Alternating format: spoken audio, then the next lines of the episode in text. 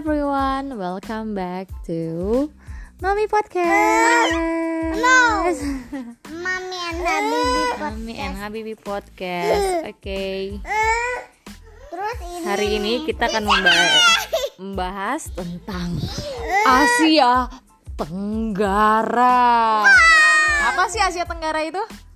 Asia Tenggara itu yang ini. Yang ini maksudnya itu adalah apa? Benua. Myanmar, Laos. Hmm, Jadi ada berapa benua tadi kemarin? Ada berapa benua di dunia ini? eh, tujuh. Tujuh. Myanmar, Laos, Vietnam. Eh, bukan itu negara in. Kita tuh mau membahas ini nih Asia Tenggara nih. Oke, jadi pertama kita akan membahas tentang Asia Tenggara. Karena kita tinggal di bagian Asia Tenggara. Jadi kita harus tahu bagaimana sih kondisi umum Asia Tenggara. Oke. Di tiap benua terbagi menjadi berbagai kawasan yang tiap-tiap negara dalam kawasan tersebut melakukan kerjasama dalam berbagai bidang untuk meningkatkan kesejahteraan penduduknya. Jadi, tiap kawasan terbagi lagi menjadi beberapa negara yang memiliki karakteristik penduduk maupun bentang alam yang berbeda-beda. Yang baik, sayang. Lalu, di manakah letak Indonesia? Di mana letak Indonesia? Hamzah. Di dekat Malaysia. Nah, kamu tentu sudah tahu Indonesia terletak di benua Asia. Lebih spesifik lagi, terletak di kawasan Asia Tenggara. Jadi Asia itu kan terbagi menjadi beberapa bagian. Ya. Jadi kita terletak Asia di Utara. kawasan Asia Tenggara. Asia apa aja, Bah? Asia, Asia Utara, Asia Selatan, Tunggu. Eropa, dan di Loh. timur dan dan Jepang di barat. Eh, Aduh, aduh, aduh, aduh. sakit kepala Umin. loh, Timur Leste. Adek, jangan dong, ada Dek. juga ada juga Loh, kita tuh lagi bahas Asia Tenggara dulu dong. Dengarkan dong sayang. Ya Allah. Maaf ya guys, ini suasananya sudah tidak menentu. Iya, Dek, sebentar, Nak. Kita mau membahas benua Asia dan Asia Tenggara. Jadi, em, Indonesia memiliki negara-negara tetangga yang senantiasa harus saling menghormati dan membina kerjasama di berbagai bidang.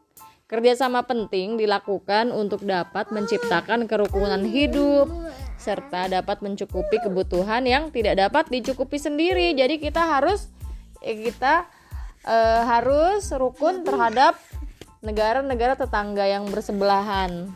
Tetangga itu maksudnya bersebelahan, Bi. Nah, jadi negara-negara yang terdekat itu namanya negara tetangga.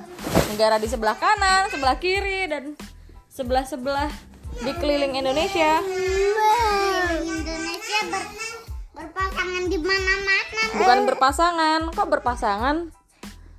bertetangga Iya, tetangga, tetangga dengan negara Malaysia, Singapura. Timur Leste Iya, Timor Leste. ini Timur Terus sekarang kita akan membelaj- mempelajari kondisi umum kawasan Asia Tenggara. Timur Leste itu ada di berpasangan berpasangan dengan Indonesia Bertetangga bertetangga sayang. di dekat Indonesia mereka Iya. adalah ter- tetangga yang sangat terdekat Tetangga yang sangat dekat. Ya Iya, nah, fakta yang baru yang harus Habibie ketahui, Timor Leste itu dia adalah sebetulnya sebelum menjadi Timor Leste dia juga negara Indonesia ya, Mbah. Nah, Timor Leste itu direbut oleh siapa, Bah? Memerdekakan dirinya, memerdekakan daerahnya sendiri ya berarti. merdeka merdekakan dirinya sendiri Masyarakat memisahkan diri. Memisahkan diri dari Indonesia. Hah, Habibie mau memisahkan diri dari, dari Indonesia? Tidak mau kan? tidak mau Nah, makanya kita tetap Indonesia ya. Tapi eh, pada waktu itu Timor Leste me, mengapa ya memutuskan untuk memisahkan diri dari Indonesia untuk membuat negaranya sendiri, mengibarkan bendera Timor Leste sendiri. Nah, jadi akhirnya Timor Leste berpisah dan menjadi negara sendiri yang dibantu oleh negara Australia, terus UK dan yang lainnya lagi. Gitu ceritanya. Jadi Timor Leste, dan kalau Fiji dan Selandia Baru Selandia Baru ban, beda juga lagi. nggak? Iya bantukan juga ke Timor Leste karena dekat. Nanti kita bahas lagi Timor Leste ya. Sekarang kita akan listrik. Hati-hati ya nak. Sini aja nak.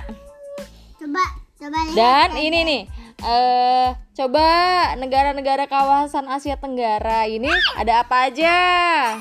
Ada Indonesia, Malaysia, Brunei Darussalam, Darussalam, Thailand, Laos, Myanmar, Singapura, Vietnam, Filipina, Kamboja, Kamboja, dan dan Timor Leste. Leste. Oke, setelah kita mengetahui negara-negara yang ada di Asia Tenggara, sekarang kita akan mengetahui akan eh, mempelajari tentang jangan sayang tentang fisiografinya. Jangan sayang, sayang jangan nak. Geografi itu apa nih? Fisiografi itu berarti kondisi kondisi apa? Kondisi Aduh, aduh, aduh. telinga Umi sakit. Jadi se- sebelumnya di Indonesia eh sebelumnya kawasan ini dikenal dengan nama India Jauh. Oh, Asia Tenggara ini dulu disebut India Jauh, Nak. Nah, terus Asia Tenggara meliputi negara-negara yang ada di dada, di daratan utama atau mainland yang juga dikenal dengan Asia Tenggara Daratan Indochina atau disebut Indochina. Iya, in- Indo. Indochina. Dan sebagian lainnya merupakan daerah kepulauan atau disebut arkipelago. Archipelago. Heeh. Kawasan Asia Tenggara menempati areal seluas sekitar 4.500 km persegi yang dihuni lebih dari 500 juta penduduk. Juta penduduk. Apabila luas lautannya dihitung, luas Asia Tenggara sama dengan luas separuh bola bumi. Jadi sangat luas Asia Tenggara itu. Terus atau sebesar Eropa dan Irlandia hingga Turki. Negara yang paling luas dan paling banyak penduduknya adalah Indonesia, sedangkan negara terkecilnya adalah Singapura. Dan juga Timor Leste. Iya, Timor Leste juga kecil. Terus, hmm, nanti deh, nanti deh. Nanti jatuh kak, Umi tidak lihat ya kak. Nanti kalau jatuh sendiri nanti nangis nak. Wilayah Asia Tenggara diapit oleh dua samudra, yaitu Samudra Hindia dan Samudra Pasifik Pintar. Yang terletak punya fakta tentang eh, Samudra Pasifik. apa? Tahu tidak? Apa? Tahu tidak? Tahu tidak? Apa? Palung yang sangat dalam di Apa? dunia. Apa ya? Mariana. Hmm, iya betul sekali. Itu adalah Mom, it's the Oh, Mariana Trench. Umi takut. It's the Mariana Trench. Oh, Mariana Trench. Wow, itu sangat terkenal ya. Iya. Kalau Mariana. Buang kursinya. Bawa kursi. Bah. Buang aja lah, letakkan di belakang aja ya Allah. Astagfirullahaladzim. Ini teman-teman ada Aisyah yang sedang melompat dari ketinggian 30 cm menuju ke lantai. Oke, kita lanjutkan lagi teman-teman. Oke, setelah tadi mengetahui tentang samudra yang mengapit ol mengapit Asia Tenggara, yaitu Samudra Hindia dan Samudra Pasifik. na- internasional dunia internasional Dan di bagian utara berbatasan dengan negara apa? Ci Cina. Di sebelah utara ada Cina. Sedangkan di sebelah barat berbatasan dengan India dan Bangladesh. bagaimana dengan Jepang Jepang Jepang. Jepang Ya, Jepang ada di utara nih iya ada di utara juga. Tapi tidak berbatasan langsung. Terus sedangkan se- hmm, dan hal ini menjadikan kawasan Asia Tenggara menjadi kawasan yang strategis untuk berbagai kegiatan ekonomi antar negara di dunia internasional. Jangan sayang, jangan sayang. Au, kertas. Next. Eh, Asia terletak pada pertemuan lempeng-lempeng tektonik sehingga aktivitas seismik aduh, eh eh Allah Akbar.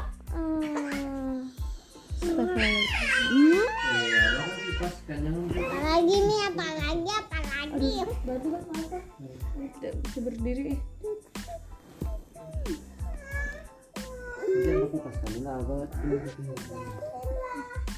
Atau di luar aja sambil ambil itu Mi. Botol. Bentar ya teman-teman. Hari ini tuh kita mati lampu. Sangat panas. Sekarang kita gelap-gelap hanya ditemani what is this? Torch. What is this? It's Center. Is this torch or like flashlight? Apa ini bah namanya? Hah, bedanya apa dong torch sama Flashlight itu sama, Mi. oh. Loh. Hmm, flashlight flashlight flashlight. Oke kita lanjut lagi. Ini the flashlight. oke. Here. oke. You turn Ini. Terus Umi. Si Umi dong. oke apa aduh gimana ya Aduh, gue pengen makan. Jadi Asia terletak pada pertemuan lempeng-lempeng tektonik sehingga aktivitas seismik dan gunung api sangat tinggi. Berbagai gugusan kepulauan terdapat di timur dan di tenggara daratan Asia. Kawasan ini merupakan kawasan dengan aktivitas gunung api teraktif di dunia. Aktivitas geologi ini telah menghasilkan gunung-gunung yang menarik dengan dua puncak tertinggi yaitu Gunung Kinabalu pada ketinggian 4101 meter di Sabah, Malaysia dan Puncak Jaya di ketinggian sampai ketinggian 5030 meter. Oh, kok adeknya mah? Maaf ya teman-teman. Di Puncak Jaya ada di Papua. Jadi kita ternyata ada ada gunung yang tertinggi ya. Puncak Jaya Papua. Nanti insya Allah kita mau nggak ke Papua? Mau ke sini Puncak Jaya mau? Secara geografis, Asia Tenggara dibagi menjadi dua kawasan yaitu Indonesia, Cina, eh Indo Indo Cina, Indo, Indo Cina. Indo Cina meliputi Myanmar, Thailand, Kampuchea, Vietnam dan Laos dan Kepulauan Melayu Nusantara yang terdiri atas Malaysia, Indonesia, Singapura, Indonesia Indonesia lagi, Brunei Darussalam, Timor Leste dan Filipina. Ini kurang nggak begitu jelas deh ya. Iya. Kondisi fisik Asia Tenggara terdiri atas deretan pegunungan yang membujur dari arah utara ke selatan. Deretan pegunungan tersebut telah memisahkan pegunungan eh penduduk Myanmar, Thailand, dan Vietnam. Indonesia dan Filipina merupakan negara kepulauan yang terdiri atas banyak pulau. Hubungan antara penduduk antara pulau lebih antar pulau jauh lebih mudah dibandingkan dengan penduduk yang tinggal di daerah pedalaman maupun pantai. Akan tetapi, pulau-pulau yang terpisah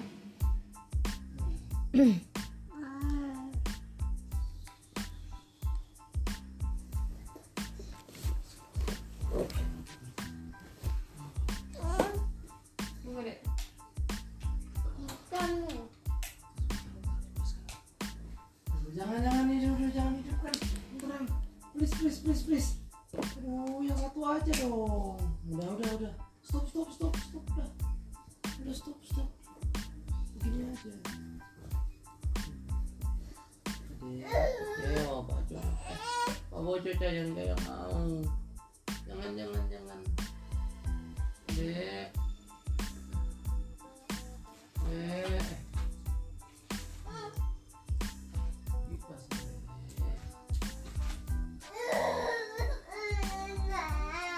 Adek, adek. Udah, udah. Adek, adek, udah.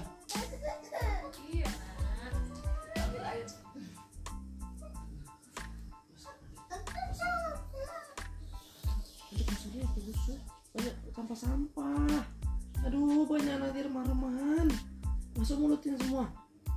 Masuk mulut aja semua itu. Mana kak buang tadi yang satu? Dimakan aja. Hmm, makan aja satunya makan juga. Yam yam yam. Kita makan itu. Yang makan ini Indonesia. Kakak makan. Kakak makan tuh yang itu. Kalau tak mau habiskan tak usah makan semua sekali dong.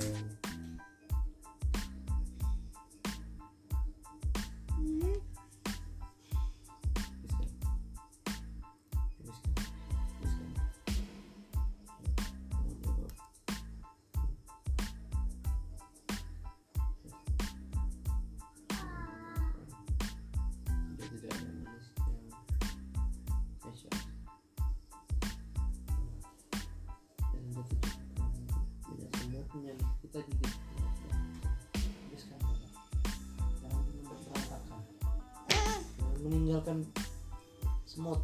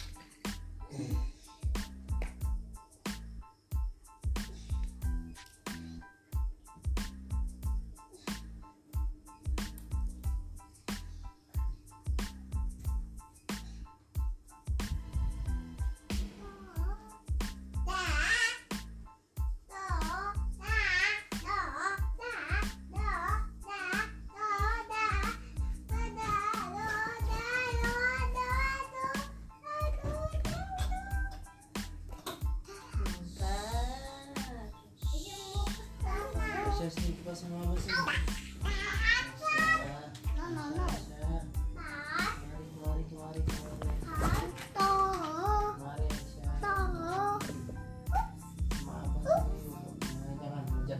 tidak paham. udah kan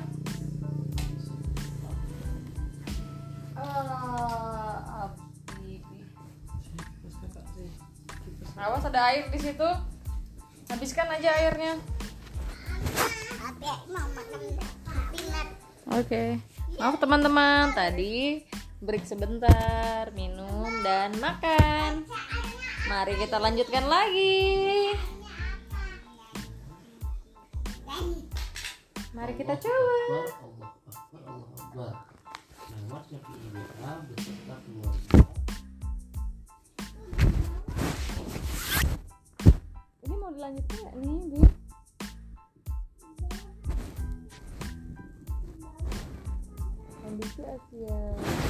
Fisik Asia Tenggara terdiri atas deretan pegunungan yang membujur dari arah utara ke selatan. Deretan pegunungan tersebut telah memisahkan penduduk Myanmar, Thailand, dan Vietnam. Indonesia dan Filipina merupakan negara kepulauan yang terdiri atas banyak pulau. Hubungan antara penduduk antar pulau jauh lebih mudah dibandingkan dengan penduduk yang tinggal di daerah pedalaman maupun pantai. Akan tetapi, pulau-pulau yang terpisahkan juga memudahkan dalam penaklukan wilayah ini oleh para penjajah yang telah dilakukan oleh Eropa pada abad abad berapa nih? Abad 19 eh bukan 19 aduh angka Romawi ini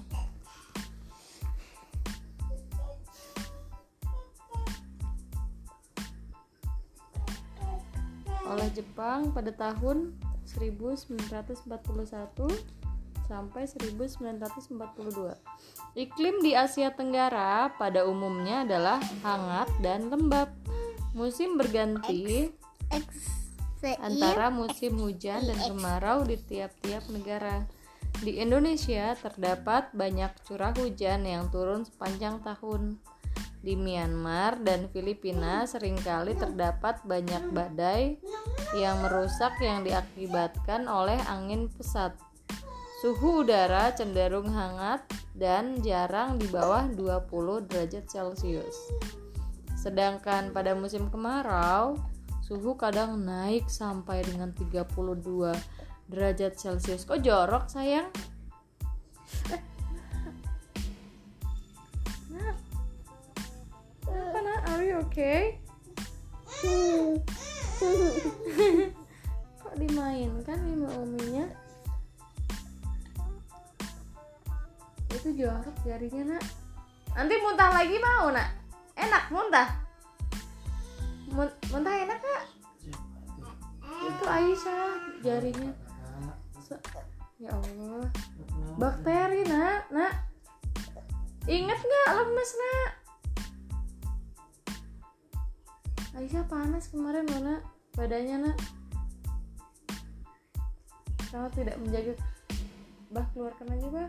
Aisyah, Bah. Pusing Umi, Bah. Masa Umi harus Umi udah kasih tahu masih gitu aja. Tidak mengerti. Bi, Habibi kasih tahu, Bi, tolong, Bi. Aisyah jangan udah cukup.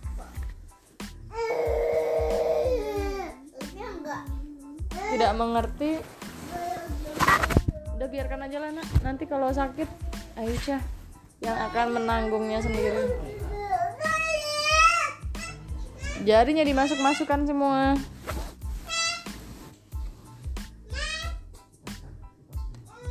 Iya, tak jelas.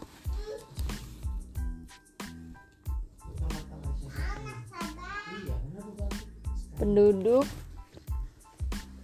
Penduduk Asia Tenggara merupakan percampuran dari sini, Dek. Sini sayang kan ada lagi Mimi. Ini Umi. Sini sayang. Penduduk Asia Tenggara merupakan percampuran dari berbagai suku bangsa. Penduduk aslinya memiliki kulit gelap dan berbadan amat kecil lah. Kok gitu banget ya dibilangnya? Penduduk aslinya memiliki kulit gelap dan berbadan amat kecil. Komuni- komunitas ini dapat dijumpai di Filipina, Indo- Indonesia, dan Malaysia sekitar 2500 tahun sebelum Masehi.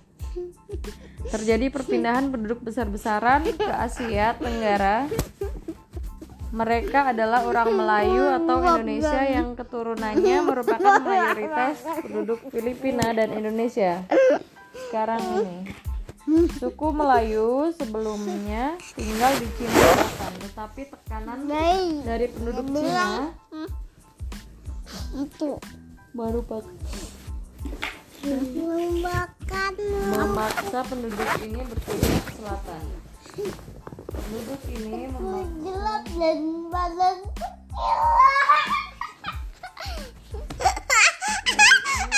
suku Melayu berpindah melintas pegunungan dan daratan utama Asia Tenggara ke semenanjung Malaysia dan selanjutnya menyeberang ke kepulauan Indonesia dan Filipina. Suku bangsa lain pun mengikutinya, terutama dari bangsa Kampuchea, Vietnam? Myanmar, dan Thailand. Suku Thailand adalah Kemudian mendirikan kerajaan Emang lihat apa itu? Apa itu? Oksigen apa yang terjadi? Apa yang mau mau ini? Oi. udah Umi ngantuk ya Oh. Udah sampai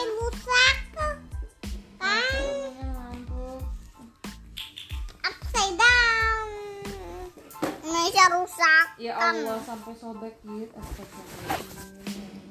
Habibi mau Abibi nggak rusakan. punya rusak dibiarkan aja Aisyah jangan.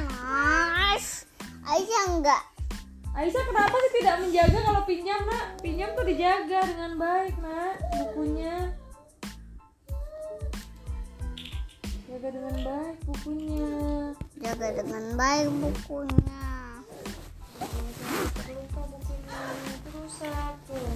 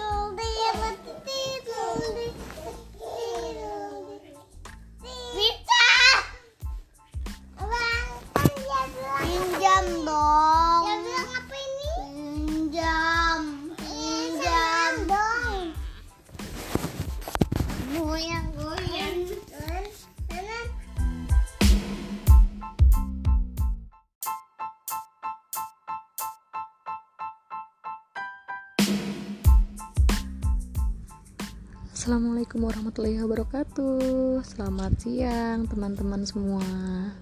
Kembali lagi dengan saya Andika Istianti. Oke, maaf ya Agak bisik-bisik karena anak-anak sedang istirahat siang.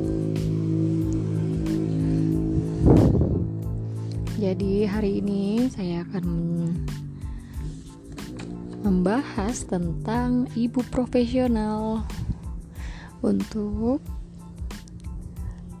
resume 2 dan kita akan membahas di resume 2 ini atau di gelanggang 2 ini yang bertema berdaya bersama komunitas yang dinarasumberi langsung oleh ibu ketua kita atau founder dari profesional yaitu Ibu Septi Penny Bulandari. Jadi yang belum mengetahui Ibu Septi Penny Wulandari, saya akan sedikit menjelaskan tentang Ibu Septi Penny Wulandari ini. Ibu Septi Wulandari sudah banyak sekali memiliki penghargaan. Kalau yang dijelaskan kemarin dari 2004 sampai dengan 2018 itu udah sekitar berapa ya? Banyak banget deh pokoknya dari 2004 itu ada penghargaan ibu teladan versi majalah Umi.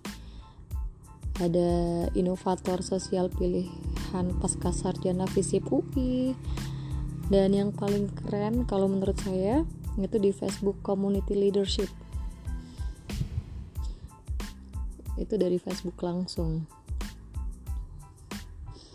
Nah, dan selain itu nanti kita cari tahu lagi jadi karena ini temanya berdaya bersama komunitas jadi ditanya kapan sih waktu waktu yang tepat atau terbaik kita untuk bergabung dalam komunitas ibu profesional waktu terbaik untuk bergabung dengan komunitas ibu profesional itu tergantung pada hmm, kebutuhan kita atau rasa lapar.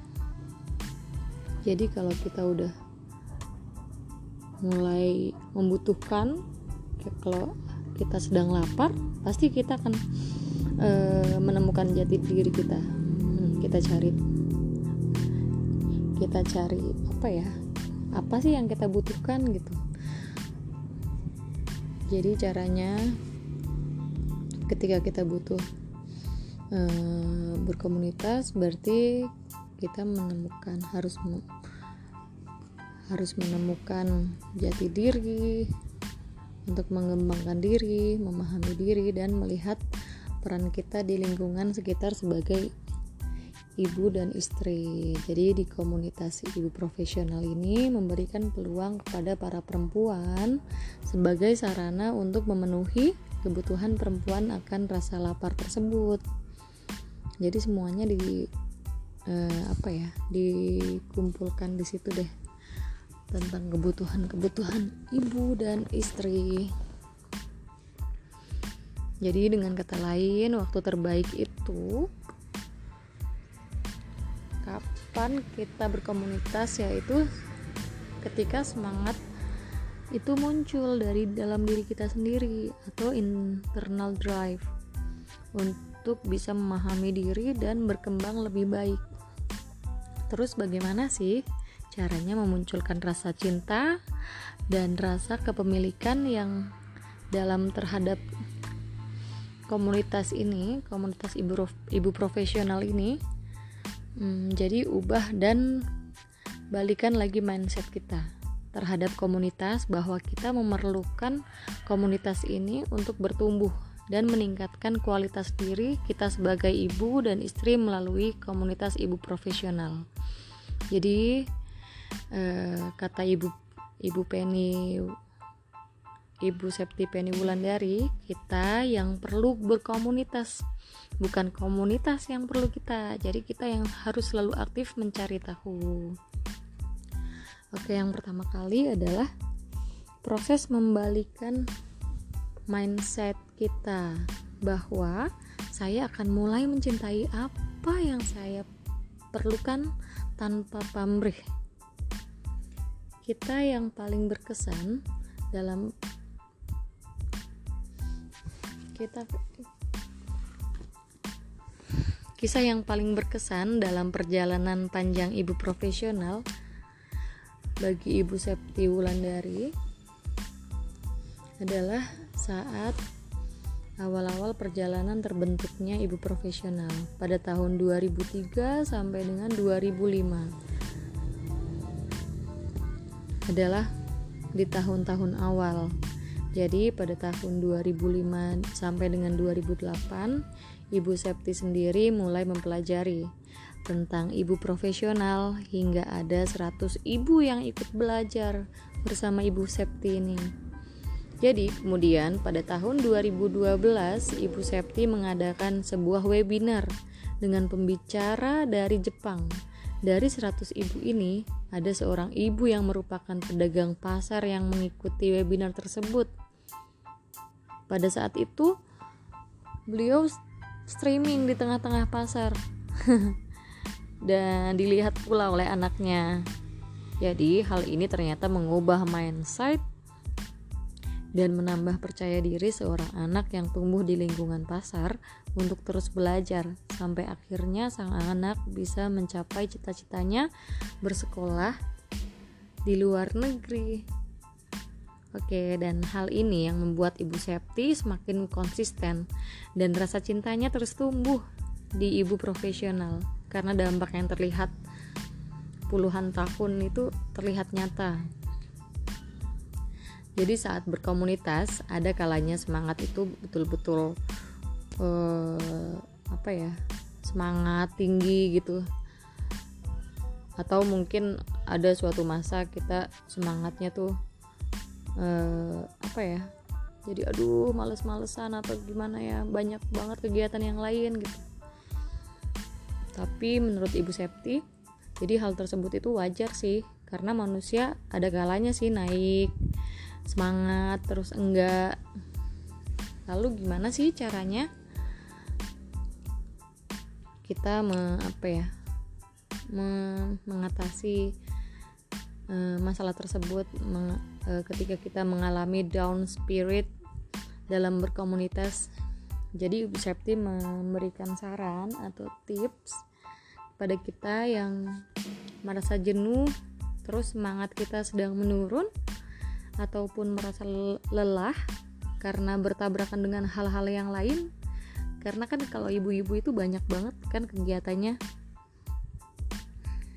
Jadi eh, sebaiknya kita tuh berhenti dulu kita harus break dulu dan berikan waktu beberapa lama supaya kita tuh bisa istirahat bisa me time atau kita harus pergi ke spa dulu kalau saya kayaknya nggak bisa karena saya tinggal di daerah dan paling kalau saya uh, breaknya apa ya? Nah itu sih sebetulnya masalah untuk saya sendiri. Saya nggak ada waktu untuk istirahat untuk uh, apa ya memberi apresiasi diri sendiri memberi waktu untuk apa ya men mengistirahatkan diri saya untuk uh, tidak memikirkan yang lain. Kayaknya nggak bisa deh karena saya kepikiran anak-anak saya terus. Oke. okay.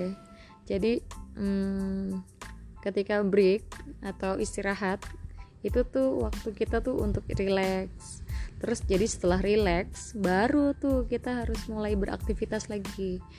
Jadi kita harus kembali lagi ke, ke komunitas itu dan kita harus hore oleh kita kembali lagi gitu. Kita kita harus semangat lagi kita harus melanjutkan lagi kehidupan kita hmm terus jadi ada beberapa hal yang mendasar yang harus dipahami oleh setiap member baru menurut Ibu Septi. Terus apa sih yang harus dilakukan gitu? Yang pertama sih kalau member baru harus mengetahui foundernya siapa dan leader leader komunitasnya itu siapa. Dan yang kedua lihat core value-nya. Apakah sejalan atau tidak dengan value yang ada pada diri kita dan keluarga. Yang selanjutnya ketiga Code of Conduct. Apakah komunitas ini memiliki aturan atau tidak? Yang bisa membuat komunitas ini lebih sehat dan tidak ada perpecahan. Saat kita sudah memutuskan masuk dalam komunitas ini, maka kita juga harus tahu tuh gimana cara keluar dari komunitas secara baik supaya tidak tetap berteman dan terkenang terus dalam komunitas tersebut. Jadi nggak boleh tuh kalau hmm, tapi sih mudah-mudahan nggak ya jangan ya. Kalau kita keluar dari komunitas kita harus dengan baik-baik harus minta izin harus memberitahu saat kita sedang mempersiapkan diri untuk masuk komunitas maka kita harus berani mengambil peran dalam komunitas tersebut Bagaimana sih caranya? Jika kita ingin bahagia, maka ambillah peran yang jangan meng, jangan nunggu diberi peran. Jadi kita harus uh, menawarkan diri, berani menawarkan diri untuk uh, mengambil sebuah peran tersebut.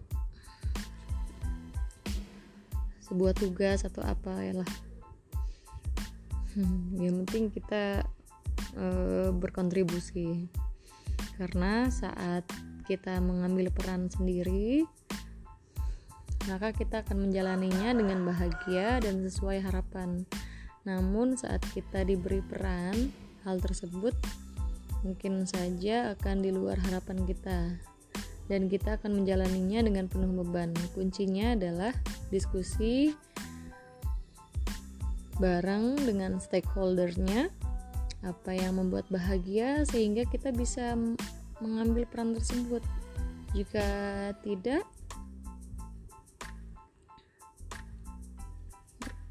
jika tidak jika tidak ada peran yang tertulis maka kita bisa membuat peran baru sesuai dengan kebahagiaan kita sendiri jadi pada intinya saat kita berkomunitas ini bukan berarti kita tidak menemui tantangan ada banyak sekali tantangan yang nanti kita hadapi saat berkomunitas saat kita merasa tidak nyaman dengan sesama member atau pengurus maka ada clear and clarify.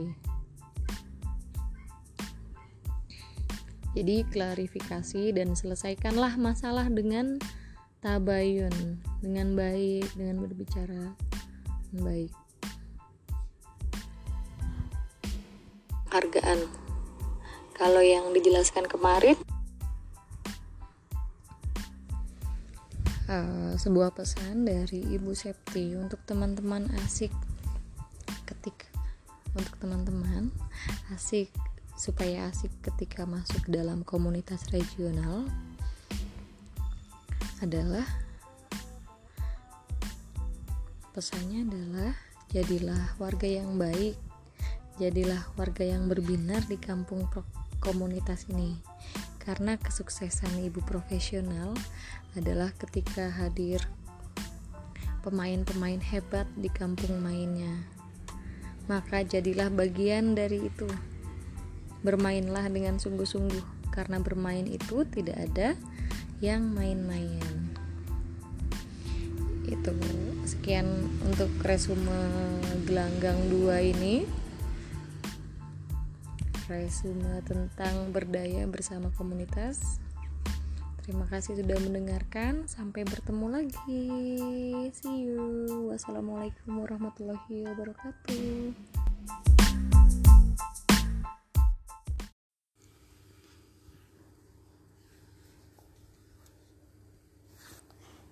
Assalamualaikum Selamat malam Sahabat-sahabat semua Anak-anak yang soleh dan soleha Malam ini Abah akan membacakan tentang ilmu pengetahuan yaitu pembentukan ASEAN.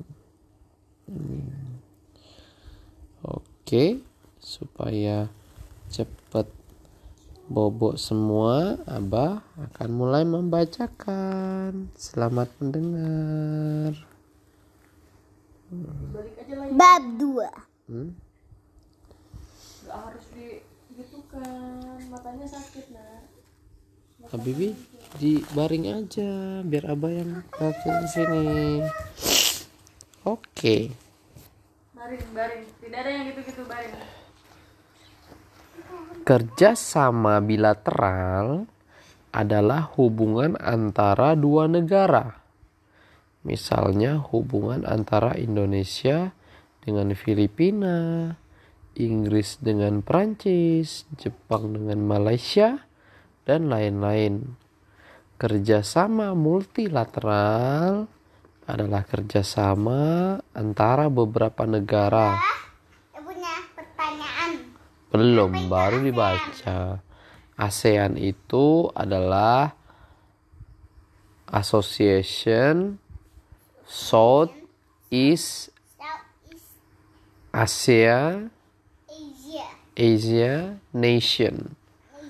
Uh, asosiasi negara-negara se Asia Tenggara Southeast Asian Nation.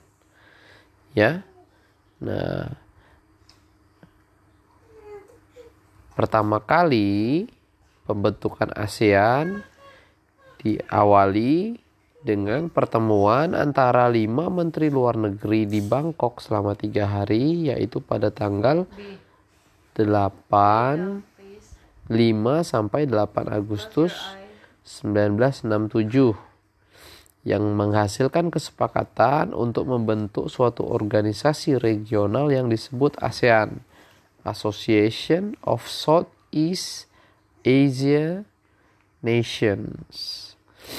Para menteri luar negeri tersebut adalah Adam Malik dari Indonesia, Tun Abdul Razak dari Malaysia, Thanat Koman dari Thailand, Raja Ratnam dari Singapura, dan Narsiko Ramos dari Filipina. ASEAN dibentuk berdasarkan deklarasi Bangkok yang ditandatangani oleh kelima tokoh pendiri tersebut. Dasar dan tujuan pembentukan ASEAN terangkum dalam deklarasi Bangkok atau deklarasi ASEAN yang berbunyi sebagai berikut.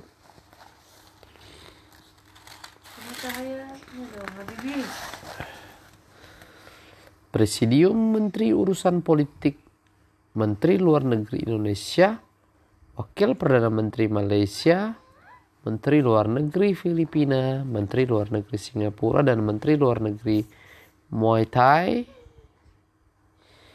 memperhatikan adanya kepentingan-kepentingan bersama dan masalah-masalah bersama di kalangan negara-negara Asia Tenggara serta keyakinan akan perlunya usaha untuk memperkukuh ikatan-ikatan solidaritas regional dan kerjasama yang ada.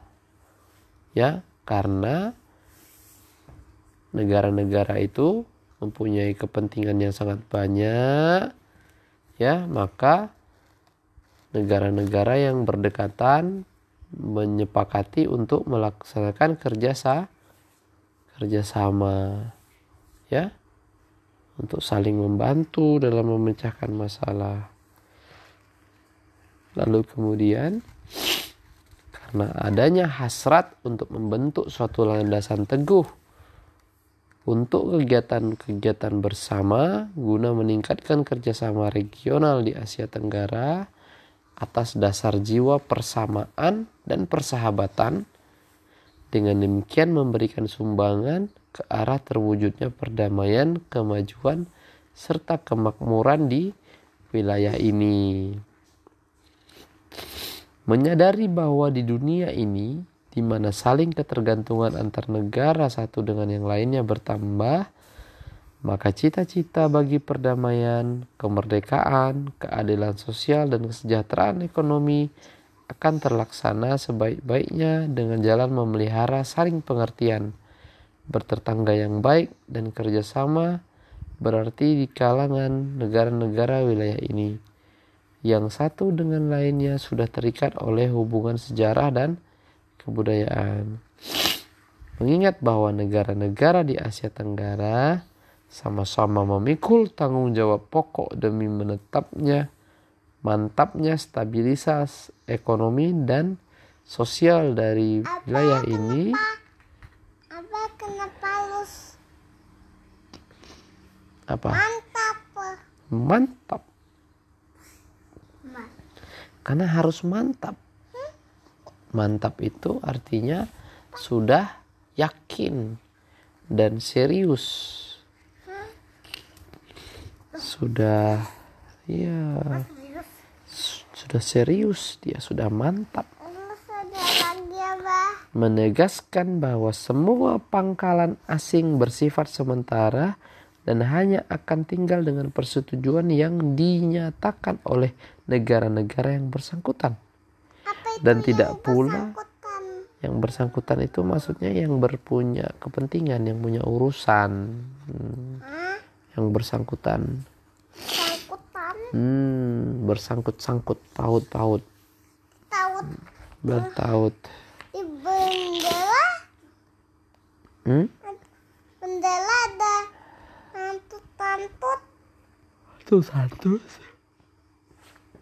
Wah.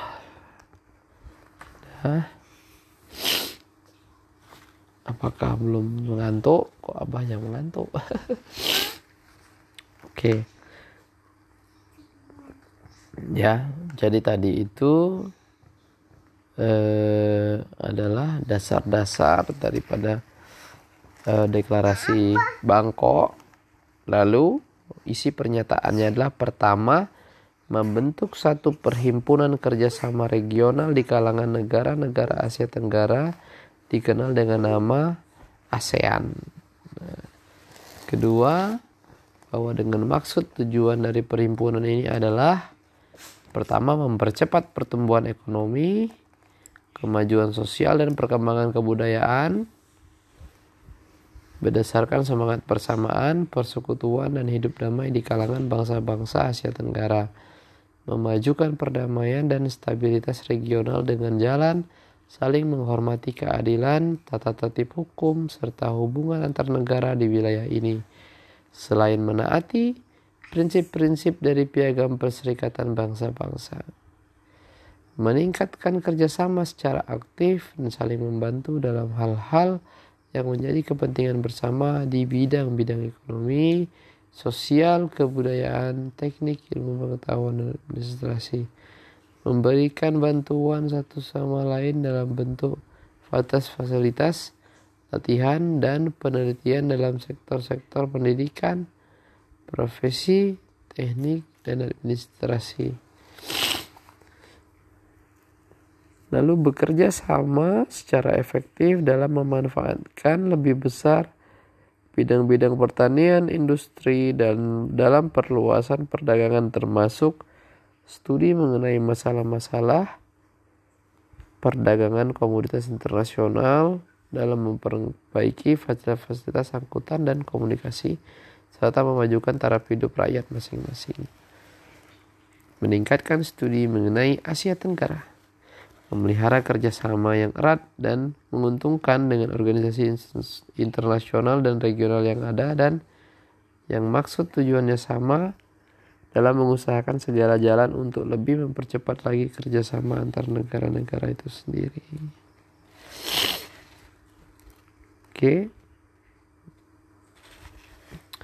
itu tadi sedikit dijelaskan mengenai asal mula terbentuknya ASEAN yaitu dengan adanya pertemuan tiga hari di Bangkok lalu menghasilkan Terus lagi yang Bah. namanya lagi lagi Eh, eh, eh. lagi lagi masih ada lagi masih ada lagi bah Duh. Oke teman-teman anak-anak yang soleh dan soleha Sekian dulu penjelasan dari Abah untuk malam ini Karena besok kita masih punya agenda yang lain Kegiatan. Anak-anak harus sekolah Lalu Abah harus ada tugas dari kantor. Juga sama-sama harus bangun pagi. Maka hari ini sampai di sini dulu pertemuan kita bersama anak-anak soleh dan soleha dan kawan-kawan yang lain. Maka besok kita akan kembali bercerita lagi tentang ASEAN karena masih banyak yang belum dijelaskan. Nah, hari ini materinya adalah sekilas mengenai inisiasi terbentuknya ASEAN, deklarasi Bangkok, dan tujuan mulia kebersamaan negara-negara untuk bisa membentuk perkumpulan perserikatan regional. Terima kasih kawan-kawanku sampai di sini sekalian. dulu ya Sampai di sini dulu. ASEAN. Besok kita akan masuk kepada lambang ASEAN dan penjelasannya apa-apa saja. Lalu kelompok eh, negara-negaranya sesuai dengan urutan menjadi anggota ASEAN. Oke, demikian yang dapat kami sampaikan. Abah selaku yang memberikan materi pada malam hari ini mundur diri dulu. Selamat sampai jumpa lagi kawan-kawan. 3 2 1 Close the book. Assalamualaikum Selamat siang teman-teman semua Apa kabar? Semoga selalu sehat Dan dalam lindungan Allah Nama saya Andika. Saya ibu dari tiga putra putri. Dan hari ini saya akan menceritakan tentang gelanggang inspirasi kampung komunitas ibu profesional. Jadi eh, beberapa hari lalu anggota keluarga suami dan anak-anak saya bergantian sakit. Jadi baru sekarang saya bisa membuat resume tersebut hmm, jadi berkomunitas ini adalah cara saya untuk meningkatkan kapat kapasitas diri seperti kemampuan meningkatkan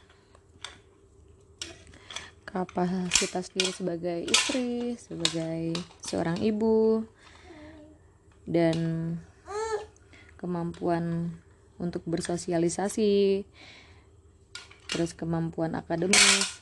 Ya Allah maaf ya, ada Hamzah yang sedang bermain karena nggak mau tidur siang. Jadi kemampuan akademis juga saya bisa dapatkan juga. Terus kuliner juga kayaknya ada ya kan terus kemampuan lainnya deh yang pasti bisa saya upgrade ilmunya dan saya yakin bermanfaat untuk uh, peran saya sebagai istri dan sebagai ibu dan saya memilih komunitas di profesional ini karena banyak sekali program menariknya dan fungsinya sekali lagi meningkat, meningkatkan kapasitas diri saya sendiri sebagai ibu dan sebagai istri. Beberapa pekan lalu kita sudah mengikuti lima gelanggang inspirasi dari yang pertama itu di gelanggang pertama kita membahas tentang apa sih yang menjadi alasan atau mendasari keikutsertaan kita di dalamnya yang kita sebut sebagai strong way. Jadi eh, apa sih alasannya? Apa sih alasannya kenapa kita mau berkomunitas gitu? Kalau saya sih untuk memperluas circle pertemanan yang positif. Ya Allah, nak, jangan sayang. Terus menjaga kewarasan pasti sebagai seorang ibu yang super super duper sibuk. Seperti hmm, seperti saya ini sambil saya podcast kalian saya jaga Hamzah yang tidak mau tidur siang dan saya sambil makan siang juga. Terus eh, jadi belajar public speaking juga. Eh, saya tahu public speaking saya tuh hancur banget ya. Terus memperdalam literasi dan lain-lain sebagainya. Dan itu semua bermuara untuk satu tujuan yaitu menggali potensi diri untuk lebih berkembang dengan didasari rasa senang dan bahagia dalam menjalaninya yang hasilnya membentuk kita sebagai wanita, istri, ibu yang sehat dan bahagia untuk mendampingi suami dan tumbuh kembang anak-anak kita di rumah. Dan di hari kedua, ada tantangan berkomunitas. Jadi dalam berkomunitas ini kita hmm, akan bertemu dengan banyak sekali karakter, banyak sekali pikiran, latar belakang, sudut pandang yang di mana itu semua akan menjadi tantangan untuk kita. Terus eh, gimana sih caranya untuk memecahkan masalah tersebut? Kita eh, harus bisa berkomunikasi komunikasi asertif namanya jadi komunikasi asertif ini uh, kita berarti harus bisa menyampaikan pendapat kita atau yang ada di pikiran kita dalam isi hati kita uh, dengan cara yang santun, yang sopan, yang baik, yang jelas supaya orang paham dan mengerti apa yang kita uh, sampaikan, apa tujuannya dan apa maksudnya. Jadi ini adalah cara untuk e, memecahkan masalah yang disebabkan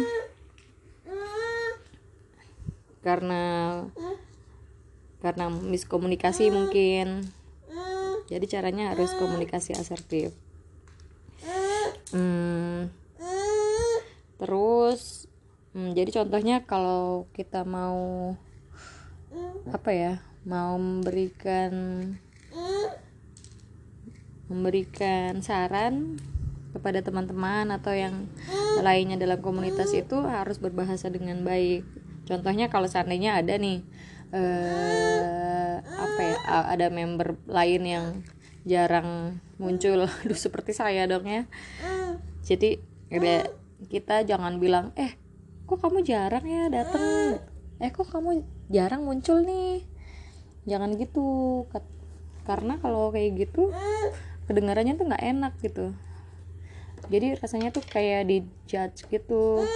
Jadi kita harus rubah bahasanya menjadi hmm, apa ya jadi eh, saya perhatikan kamu nih sekarang sibuk ya lama ya nggak muncul. Ada masalah ada yang bisa dibantu atau gimana gitu. Caranya tuh dengan berbahasa yang lebih halus dan sopan. Dan yang ketiga tips betah di komunitas.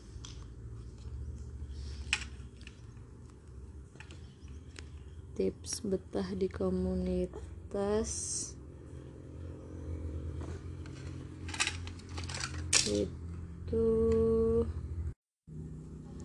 Jadi tips betah di komunitas ini gimana sih cara kita untuk eh, tidak merasa bosan dan betah di dalam komunitas tersebut?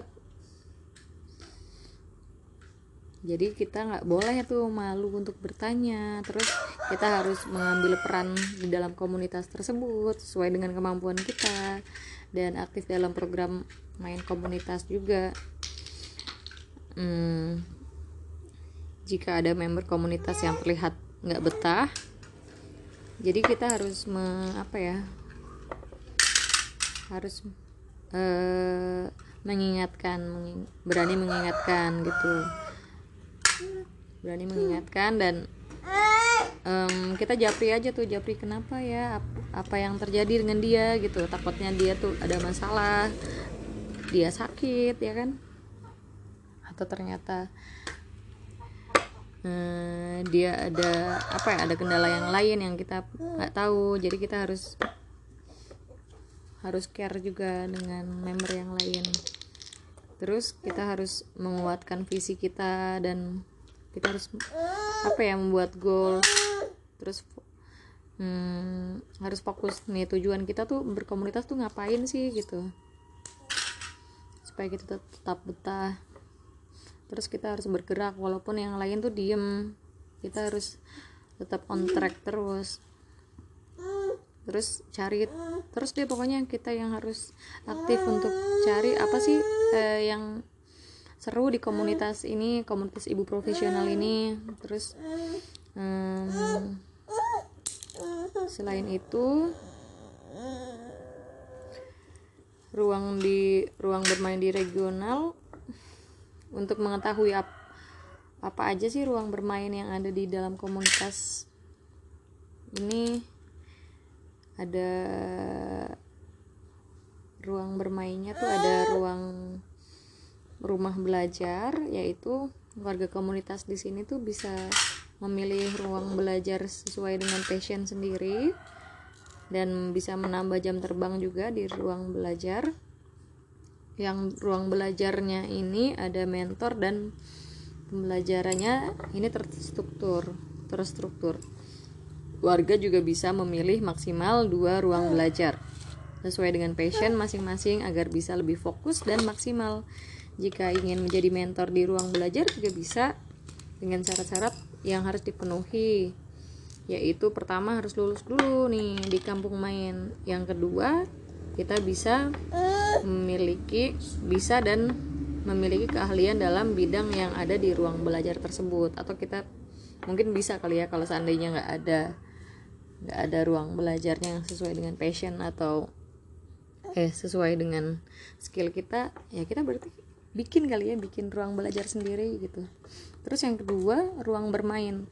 Ruang bermain ini warga komunitas bisa seru-seruan nih di sini untuk berbagai apa ya berbagai kegiatan dan- dan yang bermanfaat di ruang bermain kegiatan ruang bermain tidak terstruktur tapi lebih kepada mengambil aspirasi dari para warga komunitas yang ingin mengadakan kegiatan tergantung dari setiap regionalnya.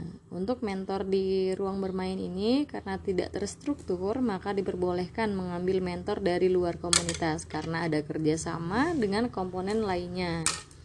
Yang ketiga, ruang bermain. Eh, ruang berbagi.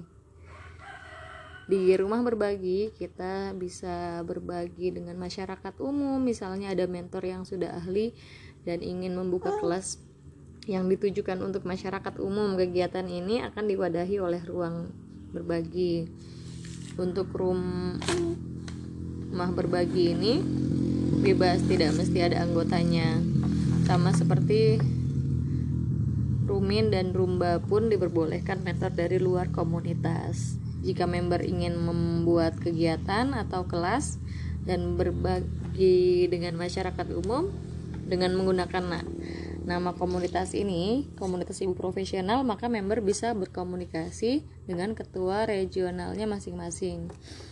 Di rumah berbagi inilah niat kita untuk berbagi ilmu dan membuat kegiatan dan kelas umum dari ruang dari rumah berbagi ini bisa buat flyer dengan nama ibu profesional.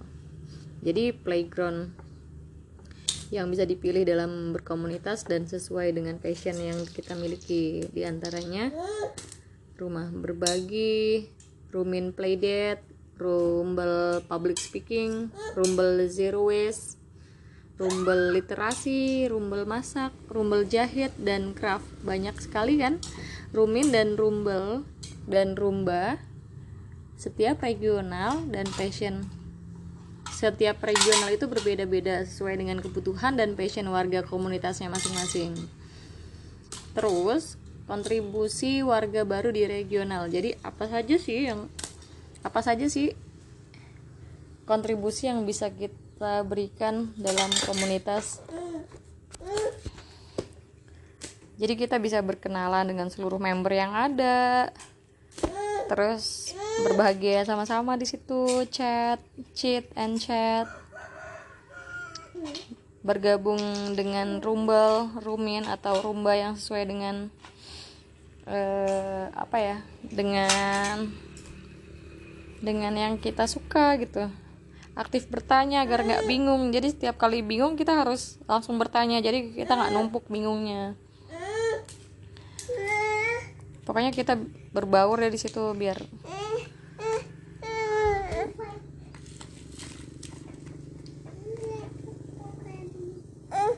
jadi setelah itu aduh udah mulai bangun semua. Habib sudah bangun Aisyah sudah bangun Hamzah masih belum tidur oke.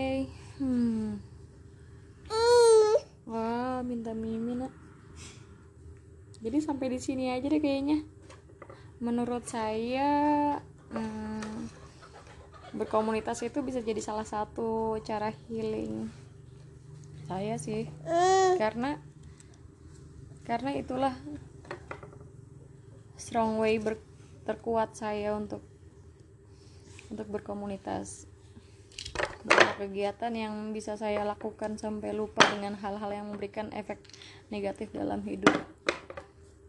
Di komunitas ibu profesional ini perlahan kita bisa belajar mengubah masalah jadi tantangan dan kemudian menemukan solusinya. Jadi sedikit demi sedikit kita bisa berperan aktif di dalam komunitas. Belajar berkembang berkaya berkarya dan berdampak positif. Bukan hanya untuk diri sendiri tapi juga untuk lingkungan sekitarnya nah, cukup di situ. Jangan sayang jangan. Jangan digoyang dah jangan. Jadi cukup sekian teman-teman semuanya. Kayak uh, saya yakin um, banyak sekali yang masih penasaran uh, banyak sekali yang masih penasaran tentang komunitas ibu profesional ini. Jadi jangan lupa follow Instagramnya, ada Facebooknya, ada ada kayaknya ada YouTube, ada YouTube-nya juga ada kok. Jadi bisa di follow di officialnya supaya lebih tahu banyak tentang ibu profesional. Jadi sampai bertemu di podcast selanjutnya. Di resume selanjutnya. See you. Terima kasih banyak. Wassalamualaikum warahmatullahi wabarakatuh.